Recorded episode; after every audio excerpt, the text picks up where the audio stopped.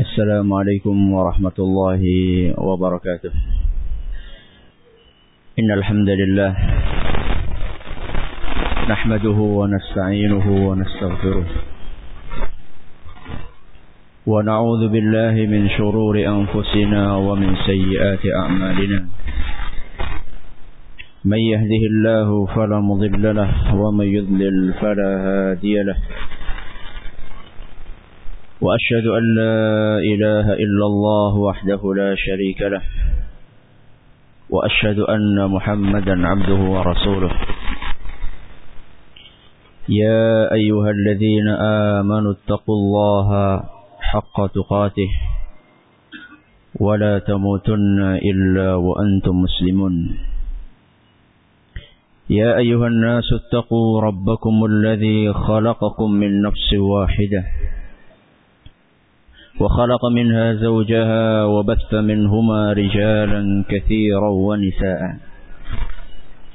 واتقوا الله الذي تساءلون به والأرحام. إن الله كان عليكم رقيبا. يا أيها الذين آمنوا اتقوا الله وقولوا قولا سديدا. يصلح لكم أعمالكم ويغفر لكم ذنوبكم. ومن يطع الله ورسوله فقد فاز فوزا عظيما.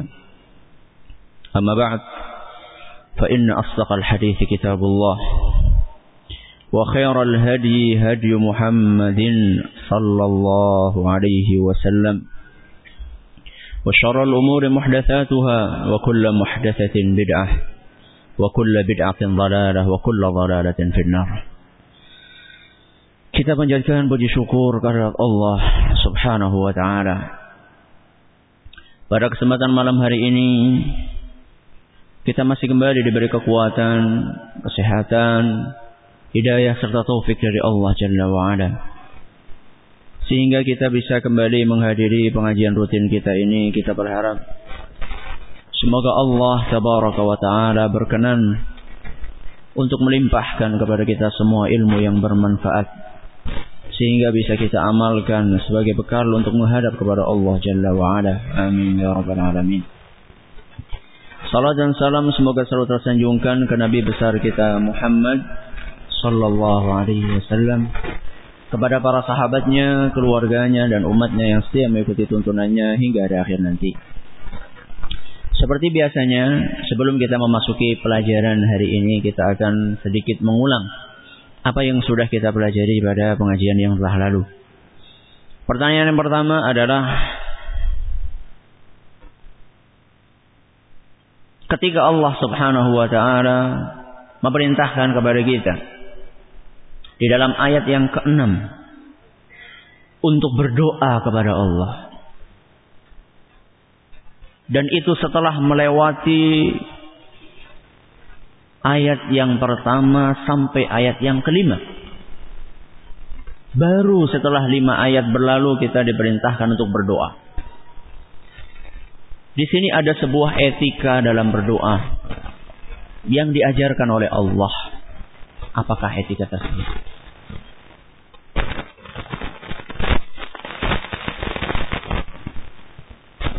Apa?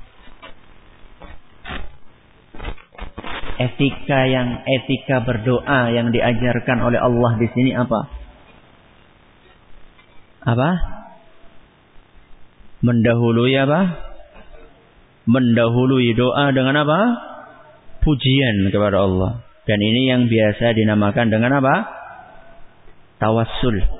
Yang biasa dinamakan apa? Tawassul. Dan ini tawassul yang benar. Tawassul dengan memuji Allah menyebutkan nama-nama dan sifat-sifatnya. Pertanyaan yang kedua. Allah berfirman, "Ihdinas siratal mustaqim." Tunjukkanlah kepada kami jalan yang lurus. Apakah jalan yang lurus itu? Agama Islam. Dan ini menyeret kita untuk bertanya dengan pertanyaan yang ketiga. Kalau yang dimaksud dengan jalan yang lurus adalah agama Islam dan kita semua adalah seorang muslim, Kenapa setiap hari kita meminta kepada Allah agar ditunjukkan kepada jalan tersebut? Padahal kita itu sudah beragama apa? Islam. Apa jawabannya? Hah? Hah? Diperintahkan bagus satu. Karena kita diperintahkan sama Allah untuk berdoa seperti itu. Yang kedua. Apa? agar kita dikaruniai istiqomah. Nah, jadi sebagai seorang muslim itu nggak cukup karena kita sering belok kanan, sering belok apa? Kiri. Makanya kita minta kepada Allah agar dikaruniai istiqomah berupa hidayah dan juga tambahannya. Kemarin kita juga sudah sampaikan bahwasannya petunjuk atau hidayah itu ternyata banyak tingkatannya. Berapa saat itu kita sebutkan? Sepuluh. Eh, ada yang hafal luar kepala? Baca pun mungkin salah-salah, apalagi apa? apalagi hafal. Di antaranya adalah hidayah atau petunjuk supaya dapat apa? Ilmu. Kemudian supaya punya kemauan untuk menerima ilmu kemudian kekuatan, kemudian setelah itu mengamalkan, lalu setelah mengamalkan apa? Istiqomah dan seterusnya. Ada sepuluh ya, kita sudah sebutkan kemarin. Kalau kita cermati, sepuluh hidayah ini itu semuanya berkaitan dengan sesuatu yang ada di alam dunia ini hidayah di dunia. Sepuluh tingkatan tadi semuanya itu hidayah di dunia.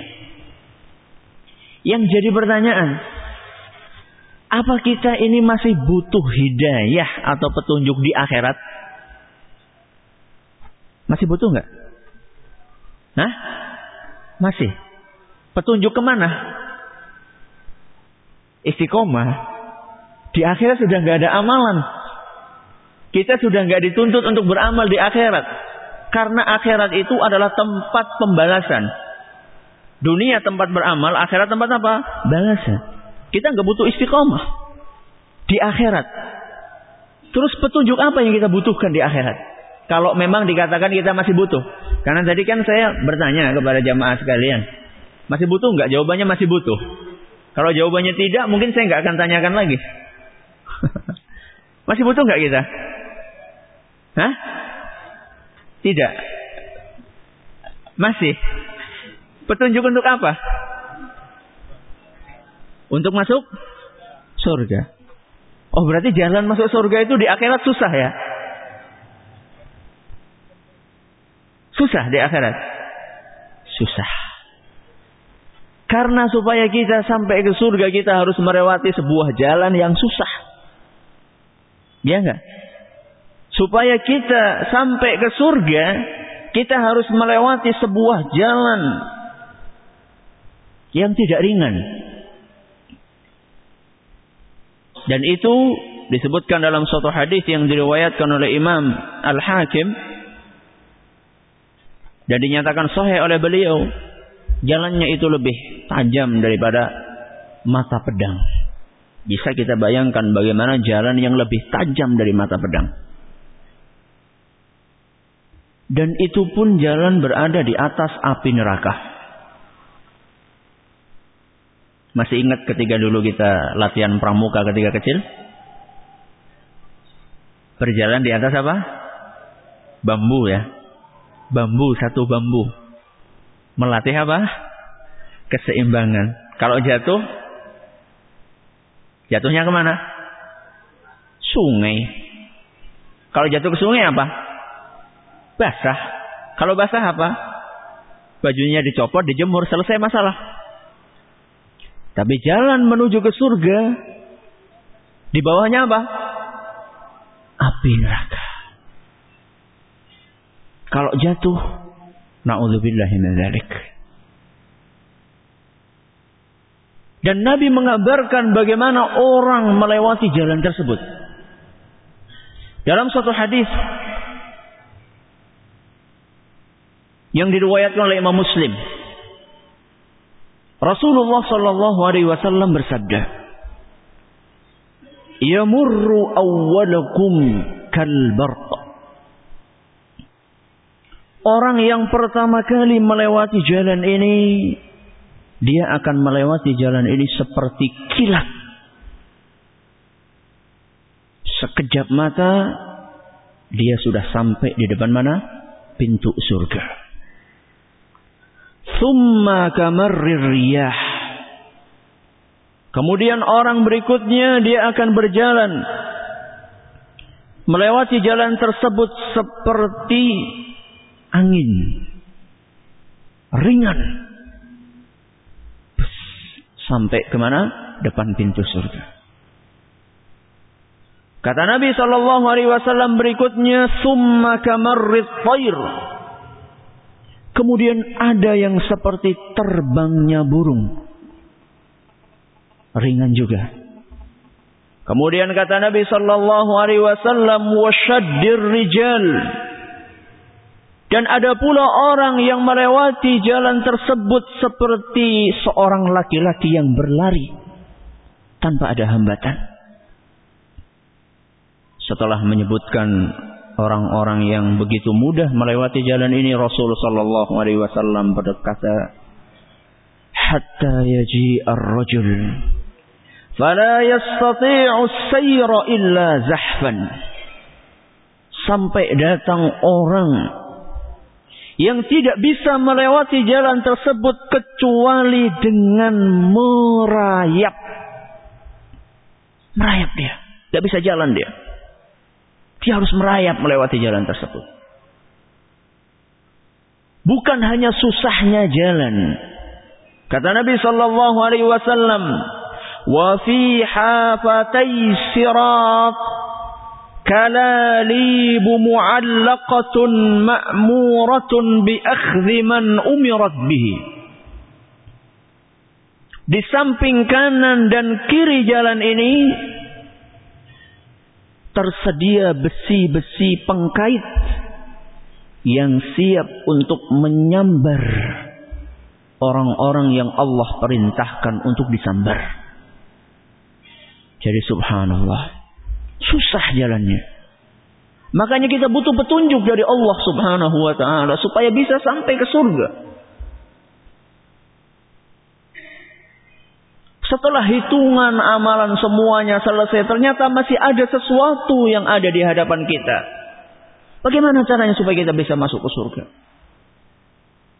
Jalannya susah, tajam setajam mata pedang, dan di kanan kirinya terdapat perangkap yang luar biasa.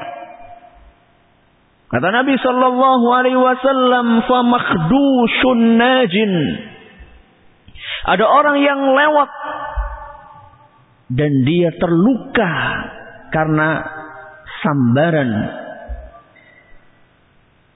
dari besi tersebut namun dia masih selamat makhdushun najin luka karena tersambar tapi masih bisa sampai ke mana sampai ke surga wa makdusun finnar dan ada pula di antara orang-orang yang melewati jalan tersebut dia terkait tersambar oleh besi tersebut dan terlontar ke dalam neraka.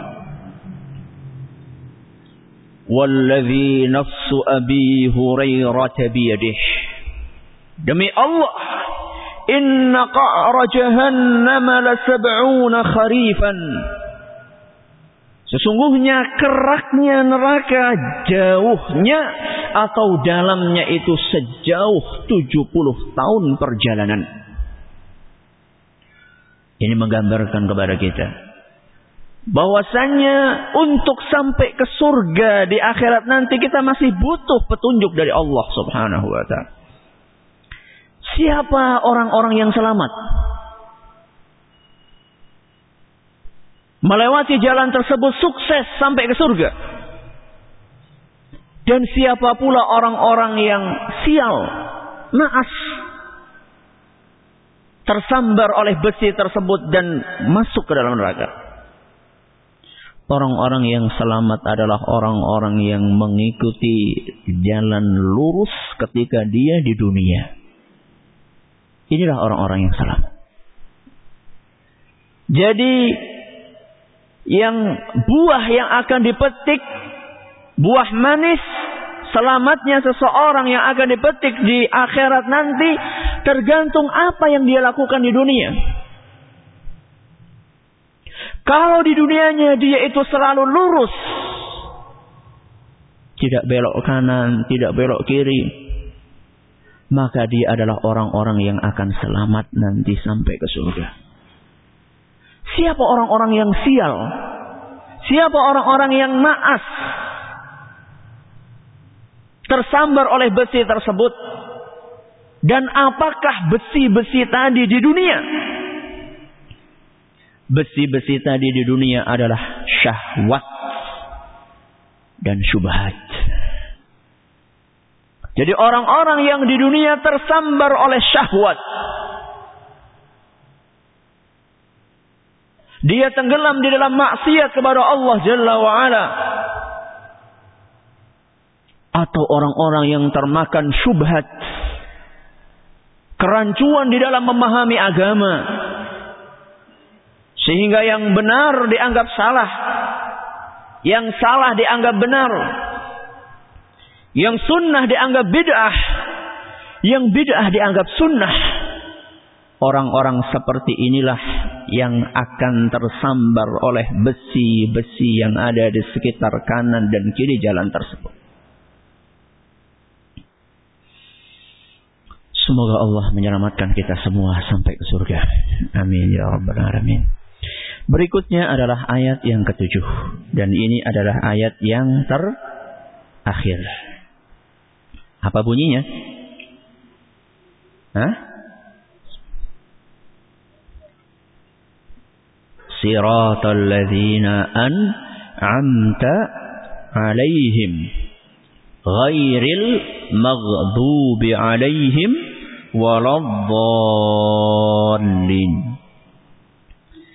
siratal ladzina an'amta alaihim yaitu jalan orang-orang yang engkau beri nikmat ghairil maghdubi bukannya jalan orang-orang yang dimurkai waladhdallin dan bukan pula jalannya orang-orang yang sesat. Ayat ini kaum muslimin dan kaum muslimat yang kami hormati. Ayat ketujuh ini merupakan tambahan keterangan dari Allah Subhanahu wa taala untuk memperjelas maksud dari siratal mustaqim. Jadi ketika di ayat sebelumnya Allah berfirman, "Ihdinas siratal mustaqim." Tunjukkanlah kepada kami jalan yang lurus. Ini masih bersifat global. Jalan lurus ini jalan yang kayak gimana? Maka setelah itu Allah Subhanahu wa taala mengiringinya dengan keterangan tambahan Jalan yang lurus itu adalah siratal ladzina an'amta alaihim. Adalah jalan orang-orang yang diberi nikmat. Yang engkau beri nikmat wahai Allah. Ini mengajarkan kepada kita metode yang sangat jitu dalam mengajarkan suatu ilmu susunan antara ayat ke-6 sampai ke ayat ke-7, penggabungan, perpaduan antara ayat 6 dengan ayat yang 7 ini mengajarkan kepada kita sebuah metode yang sangat bagus di dalam pengajaran. Apa kira-kira metode itu? Saya tanya sama bapak-bapak guru terlebih dahulu. Nah, bapak-bapak guru, metode apa ini yang digunakan oleh Al-Quran untuk mengajarkan ayat yang ke-6 dan ayat yang ke-7. Bapak guru nggih? Bagus. Mengajarkan kepada kita kalau kita pengen mengajarkan sesuatu dan sesuatu itu membekas di dalam diri murid-murid sampaikan sesuatu secara global. Terlebih dahulu. Setelah disampaikan secara global baru setelah itu masuk apa? Perinciannya. Contohnya gimana Contohnya ketika kita akan mengajarkan rukun Islam kepada murid-murid kita, ajarkan pertama kali bahwasanya rukun Islam itu ada berapa? Lima. Ini masih global atau sudah terperinci nih? Masih global. Nah, setelah mereka sudah mengetahui rukun Islam ada lima, baru kita perincikan. Yang pertama, sholat, eh apa? Syahadat. Yang kedua sholat, yang ketiga, keempat, kelima, baru diperinci. Apa gunanya? Apa buahnya dan apa faedahnya? Kalau kita mengajari seseorang itu kita sebutkan yang global terlebih dahulu, baru kemudian kita sebutkan perinciannya. Apa kira-kira gunanya? Apa hikmahnya coba? Mudah apa? Mudah dihafalkan. Kalau orang mendengar sesuatu global, dia itu jadi penasaran. Dia ingin tahu lebih apa? Lebih lanjut. Contoh. Ada kecelakaan di alun-alun. Ini masih global atau sudah apa? Terperinci. Global. Orang yang dengar kan penasaran. Kecelakaan apa? Motor apa mobil, korbannya berapa, mati apa enggak. Jadi orang penasaran. Ketika dia mendapatkan sesuatu secara global, dia akan penasaran. Apa perinciannya? Nah, ketika dia lagi penasaran, dia nunggu ini, nunggu. nunggu kelanjutannya apa? Jadi dia itu jiwanya, otaknya ini udah siap karena dia sedang menanti-nanti apa yang akan disampaikan kepada dia. Apa ini kira-kira setelah ini? Kalau orang sudah nunggu-nunggu, sudah siap, kok kemudian pelajarannya masuk secara terperinci, maka insya Allah akan lebih lama apa? Melekatnya di otak. Kalau misalnya langsung diperinci mungkin melekatnya satu jam. Kalau diperinci mungkin agak lama dikit. Berapa? Dua jam. kalau kita. Kalau kita. Dan Allah Subhanahu wa taala di sini menyebutkan siratal siratal mustaqim, ihdinas siratal mustaqim. Tunjukilah kepada kami, tunjukkanlah kepada kami jalan yang lurus. Kita nunggu-nunggu ini jalan yang lurus ini jalan yang kayak gimana? Baru setelah itu Allah subhanahu wa ta'ala setelah kita penasaran. Menunggu-nunggu apa jalan yang lurus itu. Baru Allah berfirman. Siratal ladhina an'amta alaihim. Jalan yang lurus adalah jalan orang-orang yang engkau beri nikmat wahai Allah. Siapa pula orang yang Allah beri nikmat? Orang-orang yang Allah beri nikmat menurut mayoritas pakar tafsir adalah orang-orang yang Allah sebutkan di dalam Al-Quran surat An-Nisa ayat 69. Orang-orang yang Allah beri nikmat Menurut mayoritas ahli tafsir adalah orang-orang yang Allah sebutkan di dalam Al-Quran surat An-Nisa ayat 69 yang bunyinya adalah may yuti'illaha war rasul Barang siapa yang taat kepada Allah dan Rasul faulaika ma'al ladzina an'ama Allahu 'alaihim mereka adalah mereka akan bersama orang-orang yang diberi nikmat oleh Allah. Persis enggak ayat ini dengan ayat yang ketujuh tadi? Orang-orangnya sama-sama diberi nikmat. Cuma di dalam surat An-Nisa ini disebutkan siapakah orang-orang yang diberi nikmat oleh Allah? Kata dia minan nabiyina para na, nabi. Wasiddiqina orang-orang siddiq. Wasyuhada'i dan para orang-orang yang mati syahid. Wassalihina dan orang-orang so salih. Jadi kalau kita ingin tahu siapa orang-orang yang diberi nikmat adalah orang-orang yang disebutkan dalam apa? Surat An-Nisa ayat 69. Berapa golongan tadi? Empat. Yang pertama An-Nabiyun, para na, nabi semuanya tahu. Yang kedua As-Siddiqun. Siapa As-Siddiqun itu? Di dalam tafsir As-Sa'di disebutkan bahwa As-Siddiqun adalah orang-orang yang sempurna pembenarannya terhadap apa yang dibawa oleh para rasul. Orang-orang yang sempurna keyakinannya akan kebenaran yang dibawa oleh para rasul. Alaihi wassalatu wassalam. Dan orang-orang ini mereka mengetahui al-haq. Mempercayainya seyakin-yakinnya. Mengamalkan kemudian mendakwahkan. Inilah as-siddiqun dan berada di garis terdepan mereka itu para sahabat atau para pengikut Rasul-Rasul Allah subhanahu wa ta'ala. Demikian yang disebutkan di dalam tafsir Jalalain.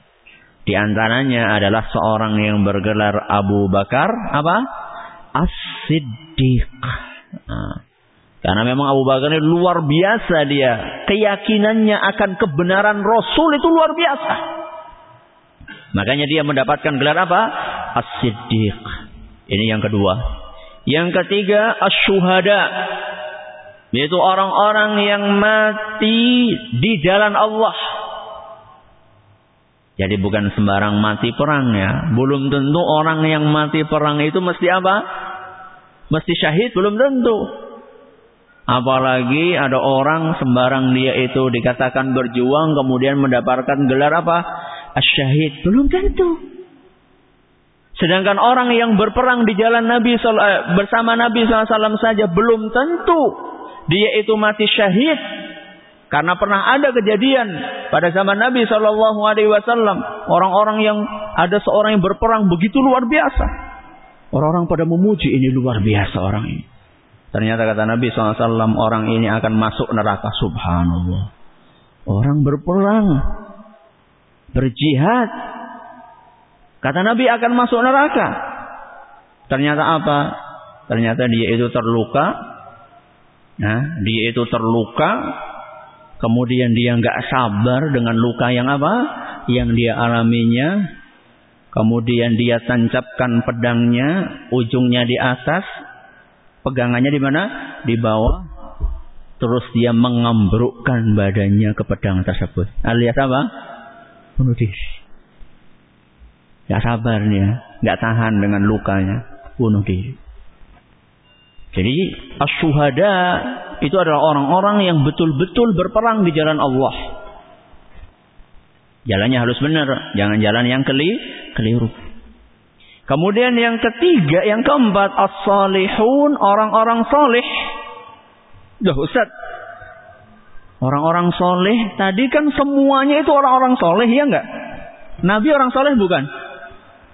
Orang soleh. As-siddiqun, para sahabat Nabi juga orang apa? Soleh. Orang yang mati syahid juga orang soleh. Kok disebutkan lagi orang soleh di sini? Maksudnya orang soleh di sini adalah orang-orang yang soleh, tapi belum masuk ke dalam salah satu dari tiga golongan yang tersebut di atas. Dia bukan nabi. Para sahabat nabi juga bukan. Berperang juga nggak pernah. Nah ini masuk ke mana ini? Kesempatannya yang keempat ini. Siapa? As-salihun. Mereka itu para wali Allah subhanahu wa ta'ala.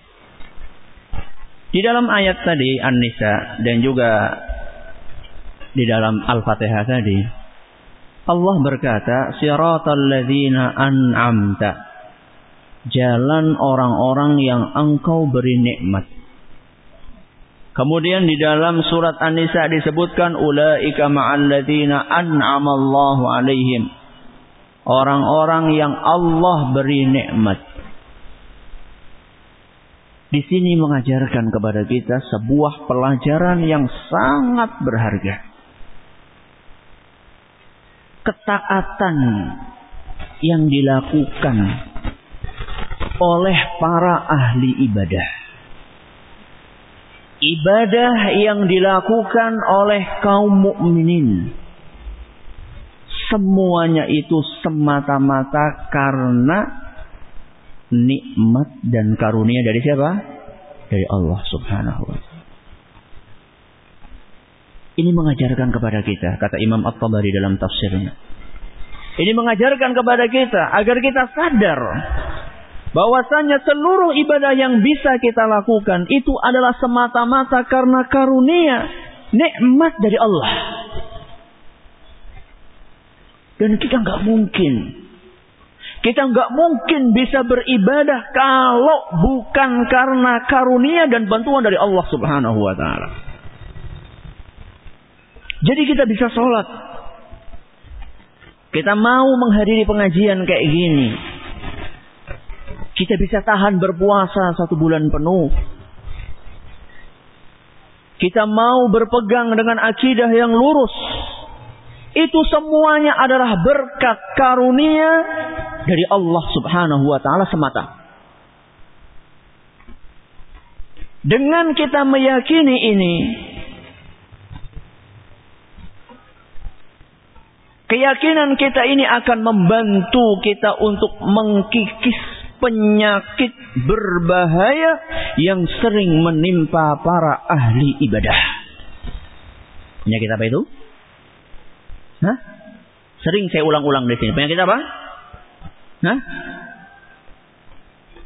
Ujub alias som, sombong. Jadi orang yang sudah rajin ibadah itu bukan berarti kemudian dia itu sudah langsung dapat tiket untuk masuk apa? Surga. Jadi kalau misalnya kita sudah rajin ibadah, setan itu enggak tinggal diam dia akan ngompori kita supaya kita itu terjerumus kepada sebuah penyakit yang penyakit ini bisa menyebabkan ibadah-ibadah kita itu rontok. Bahkan penyakit ini bisa menyebabkan kita terjerumus kepada suatu akhir yang sangat mengerikan yaitu su'ul khatimah. Akhir yang apa? Yang buruk penyakit itu adalah penyakit som sombong. Nyong tulis sholat sedina ping lima. Kok tulis sholat itu jumatan tok apa sih kok sombong. Nyong tulis sebendina ngaji. Kok tulis ngajine pas bulan Ramadan tok. Sombong. Nyong tuli akhir dawe lurus, kok tuli akhir dawe si bengkak-bengkok bae. Sombong. Ini bahaya. Ini bahaya. Kalau kita sudah terjerumus kepada penyakit ini, naudzubillahi min itu adalah merupakan pertanda awal kita telah menyimpang dari jalan yang lurus. Kita butuh cepat-cepat kembali ke jalan yang lurus. Kok bisa ini bisa mengkikis keyakinan bahwasannya kita bisa beribadah itu bisa mengkikis penyakit sombong kok bisa? Jawabannya bisa. Kenapa? Karena dengan kita meyakini bahwasanya segala sesuatu yang bisa kita kerjakan itu adalah karunia dari Allah Jalla wa ala, saat itu kita merasa betapa kecilnya kita. Kita tuh nggak bisa melakukan ibadah-ibadah ini kalau tidak ada bantuan dari Allah Subhanahu wa taala. Jadi apa yang kita sombongkan? Apakah kita sombong karena kerajinan kita? Apakah kita sombong karena kita sudah bisa sholat tahajud? Apakah kita sombong karena kita rajin puasa Senin Kemis? Apa yang kita sombongkan?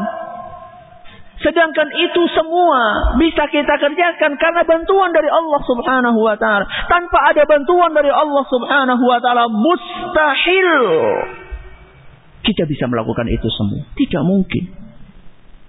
Kenapa? Karena kita adalah makhluk yang apa? Yang lemah. Kata Allah Subhanahu wa taala, "Wa khuliqal insanu dha'ifa." Manusia itu diciptakan sebagai makhluk yang lemah. Kita semua makhluk yang lemah. Kita nggak mungkin hati kita tergerak untuk memasukkan tangan kita ke dalam saku. Kemudian kita infakkan uang tersebut untuk orang miskin atau di jalan Allah. Nggak mungkin kalau misalnya hati kita tidak dibuka oleh Allah subhanahu wa ta'ala. Gak mungkin kita mau melangkahkan kaki kita jauh-jauh untuk datang ke masjid belajar. Kalau misalnya kaki kita tidak digerakkan oleh Allah subhanahu wa ta'ala. Betapa banyak orang-orang yang sehat. Tapi dia enggan untuk datang ke suatu pengajian. Karena hatinya buka dibuka oleh Allah subhanahu wa ta'ala. Betapa banyak orang-orang yang pengen datang ke masjid. Menghadiri pengajian. Tapi kakinya lumpuh. Gak bisa dia berjalan. Allah subhanahu wa ta'ala sayang sama kita. Memberikan kesempatan kesehatan kepada kita. Setelah kita diberi kesehatan, hati kita dibuka oleh Allah Subhanahu wa taala sehingga kita mau untuk datang. Itu semua adalah karunia dari Allah Subhanahu wa taala. Inilah pelajaran yang sangat berharga yang dapat kita petik dari an'amta. Orang-orang yang engkau beri nikmat dan karunia. Makanya Nabi kita sallallahu alaihi wasallam di dalam sebagian doanya beliau berkata wala takilni ila kau. Jadikan aku ini bergantung kepada kekuatan diri sendiri meskipun itu hanya sekejap mata. Kebergantungan kepada kekuatan diri sendiri itu adalah pintu untuk masuk ke dalam suatu alam kehinaan dan kenistaan. Kalau kita sudah mengandalkan kekuatan diri sendiri. Ini pekerjaan kan berhasil karena saya yang menggarap. Ini dagangan laris karena saya adalah seorang SE, sarjana apa? Ekonomi. Desa ini maju karena saya lurahnya. Sekolah ini terkenal karena saya gurunya dan kepala sekolahnya. Anak-anak saya ini bagus-bagus karena siapa dulu? Apa? Bapaknya. Hati-hati. Nah, perkataan-perkataan ini bisa mengantarkan kepada bisa mengantarkan kita kepada apa? Kepada suatu penyakit yang bernama penyakit som sombong. Siratal ladzina an'amta alaihim jalan orang-orang yang engkau beri nikmat. Siapa orang-orang tersebut? Orang-orang tersebut yang Allah sebutkan dalam surat An-Nisa ayat 69. Siapakah? Para nabi, para siddiqun, para syuhada, para salihun. Setelah Allah menunjukkan ini loh jalan yang lurus. Allah nggak cukup. Hanya sekedar menunjukkan jalan yang lurus. Setelah ditunjukkan ini loh jalan yang lurus, ini loh itilah jalan ini. Berjalanlah di atas jalan ini. Allah nggak cukup. Setelah itu Allah Subhanahu wa taala mengingatkan kepada kita dua jenis jalan yang menyimpang. Ada dalam firman-Nya apa? Ghairil maghdubi alaihim waladdallin dan ini tidak mungkin kita bahas pada kesempatan kali ini karena terbatasnya waktu. Insya Allah kita akan undur pada pengajian yang akan datang dengan izin Allah Jalla wa'ala. Ada pertanyaan silahkan. Bid'ah itu apa sih? Bid'ah itu apa? Bid'ah itu apa? Kata Imam Ash-Shatibi Bid'ah itu adalah tariqatun fid dini mukhtara'atun. Tudahi syar'iyyata yuqsadu bis-suluki 'alaiha al-mubalaghatu fit ta'abbud. Ini definisi yang dikatakan oleh para ulama paling sempurna di antara definisi yang ditawarkan tentang bid'ah. Kalau bisa kita ringkasnya saja adalah tata cara beribadah yang enggak diajarkan sama Nabi SAW. Itu ringkasnya. Nah, itu inti dari definisi tadi. Tata cara ibadah yang di, yang enggak ada dalilnya dari Quran dan hadis. Berarti di sini kita sedang berbicara tentang sesuatu yang baru dalam beragama, dalam tata cara beragama.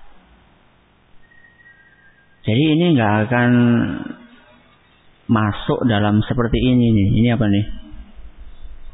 Hah? Mikrofon.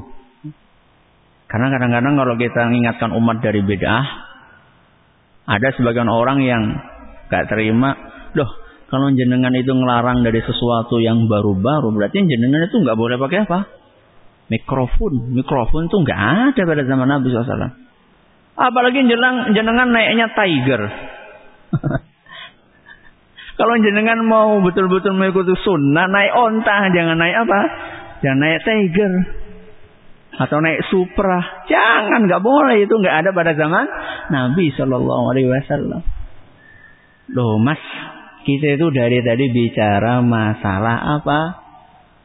Sesuatu tentang tata cara ibadah sesuatu yang hubungannya dengan agama. Kita bukan sedang bicara masalah duniawi. Duniawi ini tuh duniawi semuanya ini. Ini duniawi. Kemudian motor itu duniawi, pesawat itu duniawi. Itu nggak masuk dalam pembahasan kita, Mas. Jadi jangan dimasuk-masukkan ke sini. Jadi yang kita maksud cara beribadah. Itu. Kemudian Kata Nabi Shallallahu Alaihi Wasallam, "Kullu bid'atin dolalah." Setiap bid'ah itu sesat. Yang ngomong kayak gini itu bukan saya. Yang ngomong kayak gini siapa? Rasul Shallallahu Alaihi Wasallam.